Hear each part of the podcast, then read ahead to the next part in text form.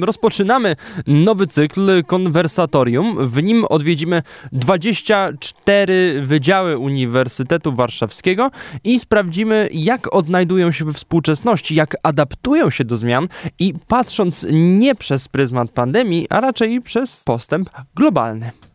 Campus. Campus. I naszym gościem jest dziekan Wydziału Zarządzania, profesor doktor habilitowany Grzegorz Karasiewicz. Dzień dobry. Dzień dobry Państwu, witam.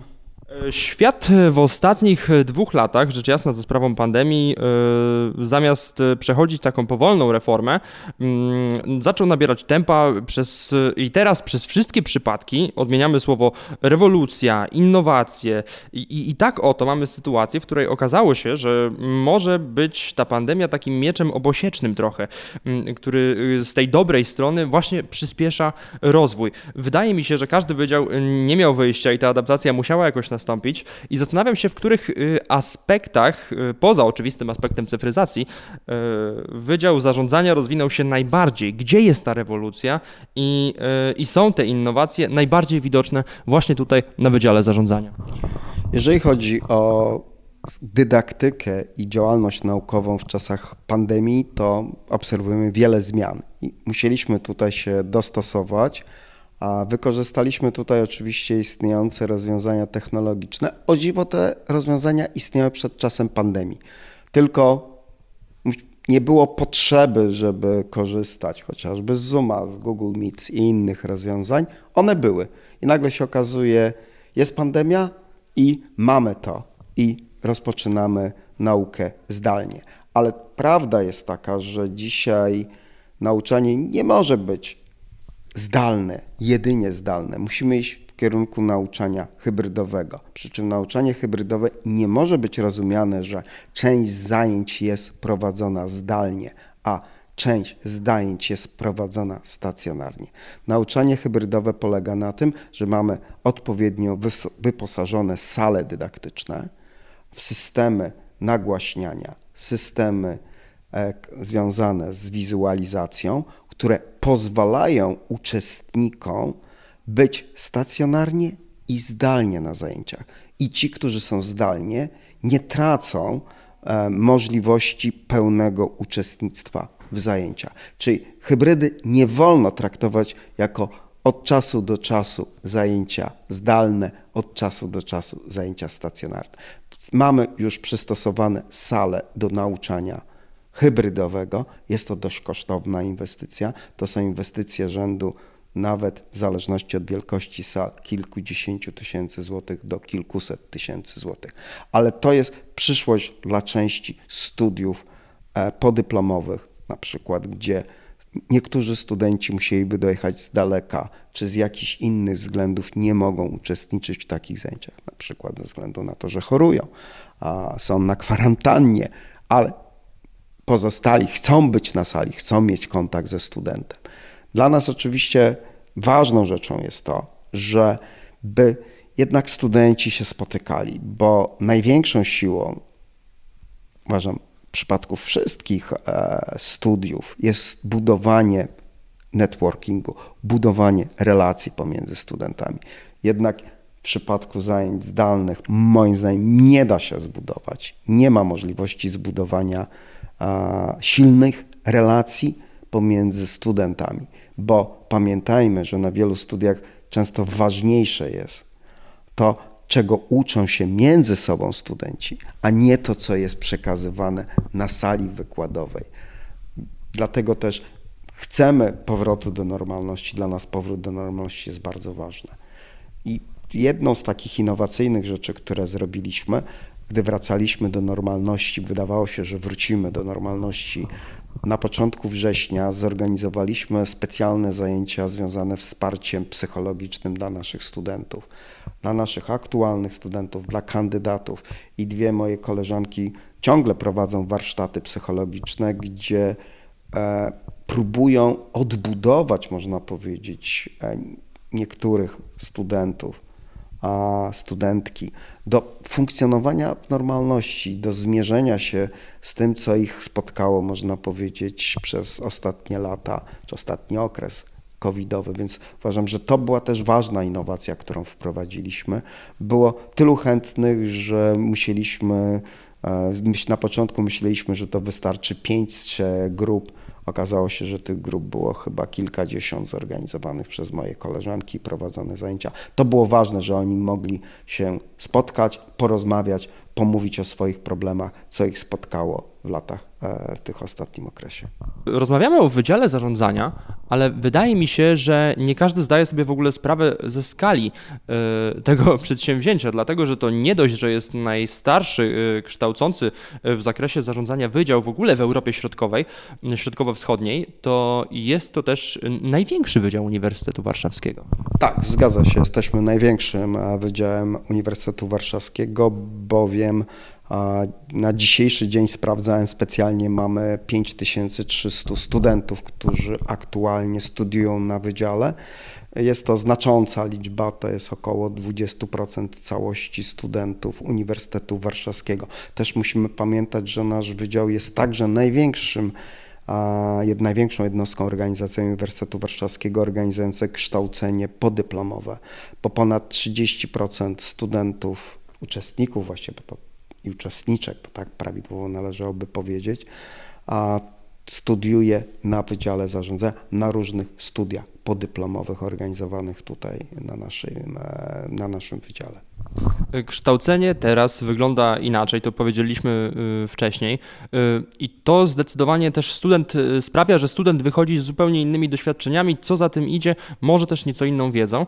Czy to nie jest kolejny aspekt, który można przekuć w sukces? Bo przecież Mm, studenci wyjdą w świat, który jednak, jak powiedzieliśmy na samym początku, dynamicznie się zmienia. Y, a może się mylę? Student zarządzania na rynku pracy, z czym on będzie musiał się mierzyć w tej współczesności? Naszym ważnym zadaniem, a jeżeli chodzi o kształtowanie sylwetki absolwenta, jest dążenie do tego, że student, studentka, absolwent, absolwentka naszego wydziału będzie musiał się zmierzyć e, z czymś, co możemy określić zmienność, zmienność, zmienność, złożoność, złożoność, złożoność, niepewność, niepewność. Więc my nie jesteśmy w stanie ich nauczyć, przekazać wiedzy, którą oni będą wykorzystywać za 3 lata, za 5 lat, ona się zmieni. My przede wszystkim musimy dążyć do tego, żeby to były osoby otwarte żeby to były osoby otwarte na uczenie się, żeby to były osoby, a, których jesteśmy w stanie wykształcić umiejętności, które się przydadzą. One zostaną, czyli komunikowanie, a kwestia pracy w zespole, kwestia też e, pewnych postaw, otwartości na inne osoby, dbałości o ekologię, dbałości o zrównoważony rozwój. To prawdopodobnie zostanie. I to jest dla nas ważne. My wiemy, że jak ja na przykład uczę marketingu, że tutaj się tyle rzeczy zmienia, że dzisiaj możemy mówić o ogromnej roli transformacji cyfrowej, sztucznej inteligencji itd., tak itd., tak ale za rok, za dwa lata to całkowicie inaczej może wyglądać. Dlatego dla nas ważnym zadaniem jest to, że musimy wypuszczać tutaj osoby, które będą otwarte, które będą umiały wykorzystać, można powiedzieć, swoje umiejętności ukształtowane na Wydziale Zarządzania. Wiedza jest ważna, ale ona moim zdaniem pełni charakter wtórny. No, mamy tutaj taką garść wiedzy, którą trzeba przekazać. Pytanie jest, jak, ją, jak w ogóle tego dokonać, żeby tego wszystkiego studenta nauczyć y, generalnie, dlatego że jak uczyć dzisiaj w ogóle zarządzania? Już nie pytam o ten pandemiczny świat, y, tylko o ten bardziej współczesny w takiej szerszej perspektywie, dlatego że od 1972 roku, kiedy ten wydział powstał, sporo się zmieniło.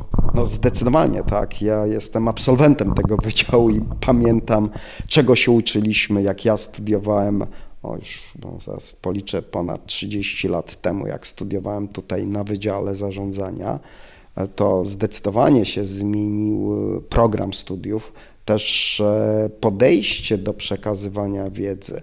Staramy się, oczywiście wiem, że nie zawsze nam to się udaje, ale staramy się przede wszystkim dążyć do tego, żeby nie tylko był tak zwany przekaz, ja to nazywam poziomy, czyli jest ten mistrz, wykładowca, profesor, który przekazuje pewną wiedzę, stara się też ukształtować pewne umiejętności wśród studentów, ale dla nas bardzo ważny jest ten przekaz też poziomy, czyli to, co uczą się studenci, studentki pracując razem w zespołach, grupach. Dlatego bardzo duży nacisk kładziemy na prace zespołowe, bardzo duży nacisk kładziemy na studia przypadków, a, które pozwalają lepiej poznać praktykę. Ponadto też staramy się połączyć praktykę z e, teorią. Między innymi tutaj sporo naszych kolegów i koleżanek prowadzących zajęcia ma duże doświadczenie biznesowe, funkcjonuje w biznesie, to swoje doświadczenie starają się przekazać. Również też zapraszamy na zajęcia praktyków, którzy pokazują, jak funkcjonuje organizacja, jak funkcjonuje przedsiębiorstwo. Mówmy się, poznanie organizacji przedsiębiorstwa nie jest możliwe na sali wykładowej. Częstym zarzutem do studentów zarządzania jest, yy, studiujesz zarządzanie, a tak naprawdę czego zarządzanie? Czym zarządzasz? Absolwent studiów pierwszego czy drugiego stopnia, podejrzewam, na początku swojej kariery nie będzie niczym zarządzał. On będzie funkcjonował w organizacji. Trochę inaczej oczywiście wygląda wśród absolwentów ta sytuacja studiów podyplomowych czy też MBA, gdzie wielu z nich już przychodząc na studia pełni kierownicze stanowiska. Natomiast student pierwszego i drugiego stopnia, czy absolwent, absolwentka pierwszego, drugiego stopnia on musi być nauczony, jak funkcjonować w organizacji, jak sobie radzić w organizacji, jak współpracować z innymi osobami. To jest dla nas ważne, istotne i tego ich uczymy. A później może oczywiście część z nich zrobi karierę i zostanie prezesem danego podmiotu. Część z nich może założy własne przedsiębiorstwo. No, ale zależy nam na takich osobach i mamy liczne przykłady osób, które zbudowały od zera swoje firmy. Czy chciałem zapytać o to, jakie kompetencje są najbardziej istotne y, dla Was, żeby je, żeby je właśnie kształcić? Czy to jest właśnie praca zespołowa, o której, o, o której Pan Profesor mówi? Zdecydowanie jest to moim zdaniem kluczowa rzecz. Dzisiaj pracuje się w zespołach. Dzisiaj pracuje się e, za pomocą projektów. Zarządzanie projektami jest bardzo ważną rzeczą. Do tego dokłada się kwestie komunikowania, zrozumienia innych osób, zrozumienia, czego oczekują partnerzy w biznesie, czego oczekują koledzy, koleżanki, z którymi razem się różne rzeczy zrobić. Łączenie różnych umiejętności, różnych kompetencji odgrywa dzisiaj ogromną rolę. I osoba, która skończy nasze studia, powinna to umieć robić, czy umieć pracować w zespole. Dla nas to jest bardzo ważne. No i istotna rzecz, którą staramy się też kształtować, to jest postawa etyczna. To jest to, że trzeba być dobrym człowiekiem. Oczywiście tego się nie da nauczyć, ale my musimy świecić przykładem. A, czyli ja, moi koledzy, koleżanki prowadzący zajęcia muszą pokazywać, że dobrze należy się zachowywać wobec innych, wobec studentów, studentek. To jest bardzo ważna rzecz, czyli kwestia takiej postawy etycznej i odpowiedzialności społecznej. Cały czas będę pozostawał w tematyce tej rewolucji świata, w cudzysłowie rzecz jasna. I tutaj chciałbym zapytać o skalę tego, y, jak dynamicznie zmienia się nauczanie zarządzania. Y, czyli jakie y, w tym zakresie też znaczenie nowych technologii, które, co zresztą widać, są również na tym wydziale. Jakie znaczenie mają te nowe technologie? No na pewno nauczanie się zmienia z dwóch względów. My musimy uczyć o nowych technologiach, czyli musimy te nowe technologie pokazywać w trakcie różnych zajęć, jak one są wykorzystywane w organizacji, jak zmieniają model biznesowy organizacji. No patrz, media to jest chyba najbardziej klasyczny przykład, e, prasa, a powiedzmy media cyfrowe, jak tutaj się zmienił świat, jak wydawnictwa na przykład się zmieniają. Wolters Kluwer chyba jest bardzo dobrym przykładem tutaj wydawnictwa, które z papieru stało się właściwie cyfrowym wydawnictwem. Zresztą nasz partner biznesowy mamy tutaj rozwiniętą współpracę z e, tym przedsiębiorstwem. Ale też z drugiej strony my musimy wykorzystywać nowe technologie w trakcie nauczania, czyli inaczej w procesie dydaktycznym. Więc to są takie dwa kluczowe elementy. Nowe technologie, technologie cyfrowe, mówienie o nich w trakcie różnych zajęć, ale i też wykorzystywanie ich w nauczaniu, w dydaktyce. Zresztą pamiętajmy, że dzisiaj y, z powodu nowych technologii mamy do czynienia z ogromną konkurencją. Dzisiaj menadżerowie na przykład mogą pójść do nas na studia MBA, ale też mogą pójść na krótsze formy e, edukacji, programów edukacji menedżerskiej organizowanych przez znakomite szkoły. One oczywiście sporo kosztują, ale nie wychodząc z domu mogą odbyć tego typu programy, odbyć tego typu kursy, więc to też jest e, taki wyznacznik walki konkurencyjnej, że dzisiaj dla nas konkurentem nie tylko będą szkoły tutaj funkcjonujące w Polsce, ale też są szkoły funkcjonujące za granicą. Oczywiście kiedyś też menadżerowie korzystali z ofert różnych szkół, czołowych szkół, London School of Business, ISE czy INSEAD i tak dalej, i tak dalej, ale dzisiaj jest dużo łatwiej z oferty tych szkół skorzystać. A co z kwestią międzynarodową tutaj? Czy to umiędzynarodowienie właśnie gra również tak dużą rolę, szczególnie w tym świecie? Tak, zdecydowanie. No my mocno stawiamy na zwiększenie stopnia umiędzynarodowienia w różnych wymiarach, w wymiarze e, naukowców, e, pracowników naukowych, w wymiarze studenckim. Dążymy do tego, żeby zbudować naszą pozycję w świecie, e, między innymi po to, walczymy o akredytację międzynarodową. Już dwie z trzech kluczowych mamy, czyli Equisa i EMB. Jesteśmy bardzo daleko posunięci w procesie uzyskania trzeciej kluczowej akredytacji ACSB. To jest chyba też, y, jesteście chyba jedynym wydziałem, który robi coś takiego. E, nie, w Polsce jest oczywiście jedna jednostka, która ma trzy akredytacje, to jest Akademia Leona Koźmińskiego, natomiast ze wszystkich państwowych e, uczelni jesteśmy najdalej zaawansowani w procesie akredytacyjnym. No to jeszcze y, muszę zapytać koniecznie o współpracę z biznesem na sam koniec, dlatego że wiadomo, student zarządzania mm, musi wyjść z tej uczelni z takim fajnym starter packiem biznesowym. A żeby taki starter pack dostać w postaci wiedzy czy doświadczenia, mm, no konieczna jest y, współpraca z innymi firmami. Jak wy do tego podchodzicie jako Wydział Zarządzania? E, czy mamy tu kilka wymiarów współpracy z biznesem? Pierwszym wymiarem to jest Rada Biznesu, a Rada Biznesu składa się z osób, które są dość ściśle powiązane tutaj z e, naszym wydziałem. Często kończyli studia lub też firmy tutaj współpracują, które członkowie reprezentują Rady Biznesu z naszym wydziałem.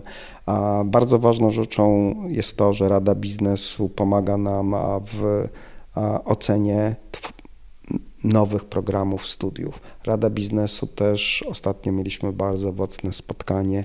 Pomaga nam określeniu kierunków rozwoju wydziału, ocenie naszej strategii. A to spotkanie było moim zdaniem bardzo owocne. Byłem wręcz zaskoczony, to rzadko się zdarza na 21 członków Rady Biznesu, było 19 na spotkaniu. To frekwencja wręcz y, niespotykana, można powiedzieć. Byłem oszołomiony tak, że tak duże zainteresowanie i chęć porozmawiania z nami na temat strategii. Bardzo ważną rolę też pełni tutaj kwestia czasami badań naukowych. Na przykład mamy bardzo ciekawy projekt badawczy z Panek Care Sharing dotyczący elektromobilności i spółdzielenia, no bo tutaj pamiętajmy, że to jest nowy model biznesowy, który jest związany z tą firmą.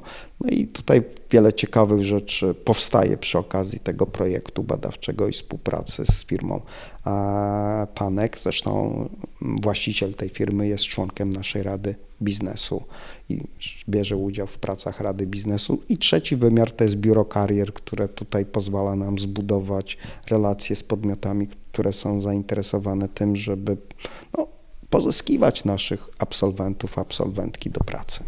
Byliśmy na Wydziale Zarządzania Uniwersytetu Warszawskiego, największym wydziale również e, w tej uczelni i najstarszym, bo działającym od 1972 roku.